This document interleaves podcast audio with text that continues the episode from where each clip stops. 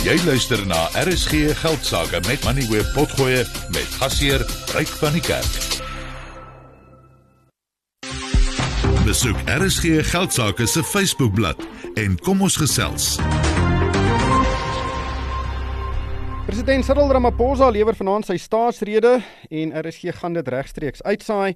Nou die doel van die staatsrede is om Suid-Afrikaners in te lig van wat in Suid-Afrika aangaan, wat die uitdagings is en ook wat die planne is om hierdie uitdagings op te los. Nou daar is hierdie week al baie gepraat en geskryf oor wat die president gaan sê want bitter min van die beloftes wat hy sedert 2018 tydens sy verskeie staatsredes gemaak het, is nagekom en daar heers dus ook uh, uit baie oorde uh, wesenlike skeptisisme oor die toespraak en wat ons kan verwag. Tim Du Plessis is 'n oud joernalis, hy's ook 'n politieke ontleder. Tim, baie welkom by die program.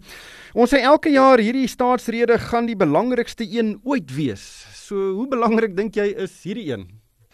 Ag, ek dink dit is baie belangrik, ryk. Ek meen almal almal is die hele land is in 'n die nasionale gemoedstoestand en die hele wêreld se verwagting van Suid-Afrika en die wêreld nog 'n verwagting oor ons het is dit dit kan nie so aangaan nie iets moet een of ander tyd gebeur. En uh, so jy weet en maar daai verwagting bestaan bestaan nie net vandag nie. Dit het al in 2018 begin toe Cyril Ramaphosa sy eerste staatsrede gehou het en so en dit hy toe 'n nuwe geleide laat hoor en almal het gedink ons maak 'n nuwe begin. En vanoggend het Pieter de Tooy in News24 geskryf, die gaan kyk wat het die joernaliste geskryf en sy insluitende hy homself oor hoe opgewonde en hoe ingenome hulle was en hoeveel vol hoop en hoeveel verwagting hulle gehad het van Cyril Ramaphosa. En dan trek hy die lyn deur en hy sê en van daarvan het ongelukkig baie min gekom. So ek weet nie wat waarmee kom hy eintlik vanaand na die tafel toe nie.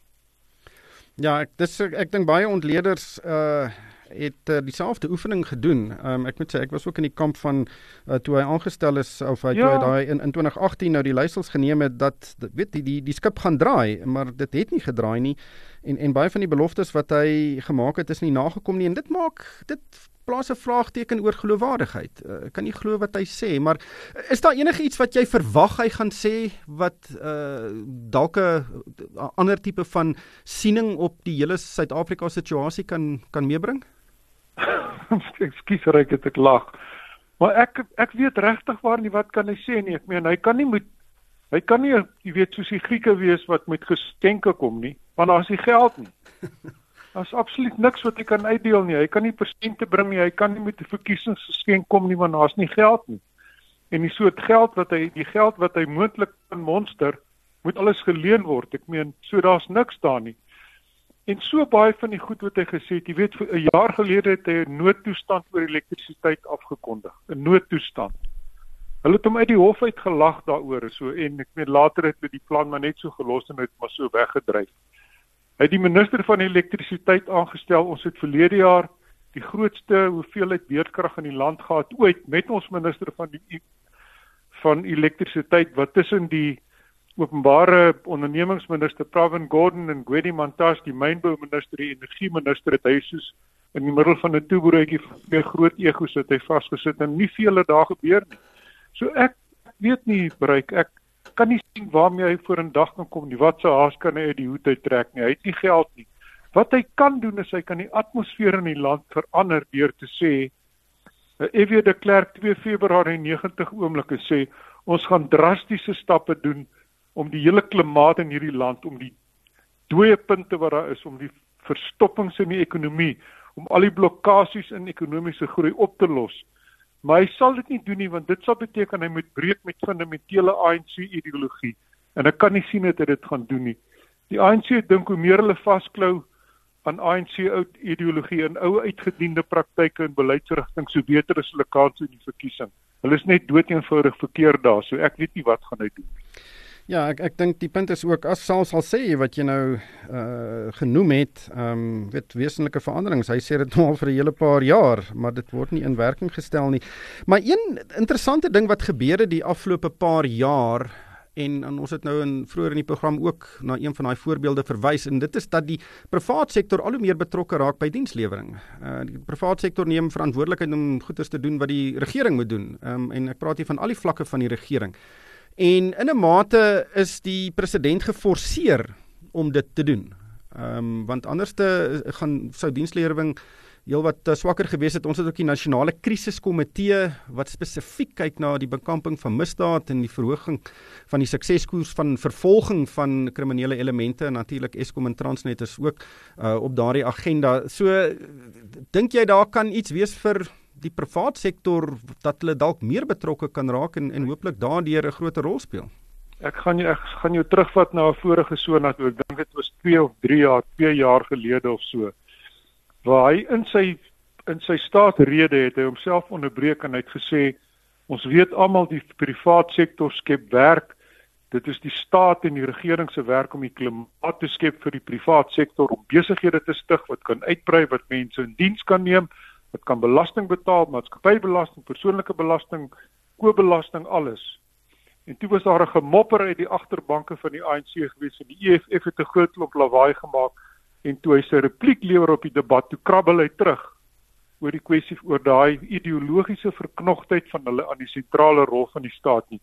Hoekom kom hy nie uit en sê ons gee ruiterlik toe die private sektor kan groot dele van die wat die staat vandag met geen sukses probeer doen nie, beter doen en ons sluit te wil 'n nuwe vennootskap met hulle besluit en hy voeg dadelik die daad by die woord, maar ek weet nie of hy dit sal doen nie want dit vat verskriklik baie moed kommoditeit wat skaars is in sy huishouding. Ja, miskien uh, in 'n verkiesingsjaar sal dit 'n uh, groot verrassing wees.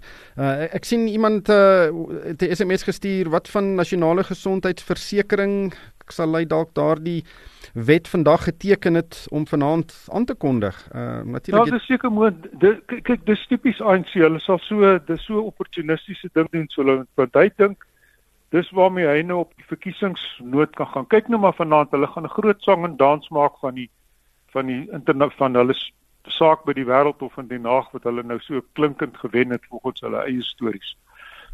Hulle gaan 'n groot sukses, 'n groot baie daarvan maak. Hulle gaan sê ons het not NGV geteken deur die Nasionale Raad van Provinsies. Is die wet die onteeningswet is finaal geteken en deurgevoer. Hulle het 'n hele klomp goed, hulle die aankondiging van die verkiesingsdatum hy met 2 weke uitgestel sodat hy nog 'n paar wette kan onderteken wat sê kyk net hoe baie goed het ons gedoen. Hy wil so 'n wasgoed lysie opstel van goed wat hy klaar gedoen het. En ek dink jy weet dit gaan die mense kry eenvoudig te spaar om nog langer gebluf te word deur daai soort van goed. Alle mense van die grootste suksesvolste besigheid tot by middelklas mense en reg onder tot by die armes van die armes. Mense het pyn in hierdie land en hy voel dit nie. Tim, dankie vir jou tyd. Dit was uh, Tim Du Plessis. Hy's 'n oud joernalis en ook 'n politieke ontleder. Driekus, het jy enige verwagtinge? Ja, um, ek wil by Tim aansluit en sê wat hy verder sal doen is hy gaan sin speel weer eens vir dis 'n verkiesingsjaar, so hy sal sin speel op alles wat die ANC reg gekry het. Hy kan byvoorbeeld weer noem hoeveel mense sit uh, in die sosiale uh, ek wil amper sê dis 'n vangnet ja, want jy vang hy vang hom om die enkels. Maar hoeveel uh, hoeveel uh, persone elke maand 'n toelaag kry en hulle beskou dit as 'n sukses. Ja, ongelukkig doen hulle. En dan kan hy ook weer terughamer op die sondes van die verlede. So daar's allerlei politieke retoriek wat jy uit uit gaan kom. Dink ek wat weer net gaan sin speel op uh, op hulle kansse om sukses later hierdie jaar in die verkiesing. Jy het geluister na RSG Geldsaake met Money where potgoe elke weeksdag om 7 na middag. Vir meer Moneyweb potgoe, besoek moneyweb.co.za of laai die toepassing af en volg Moneyweb News om dagliks op hoogte te bly.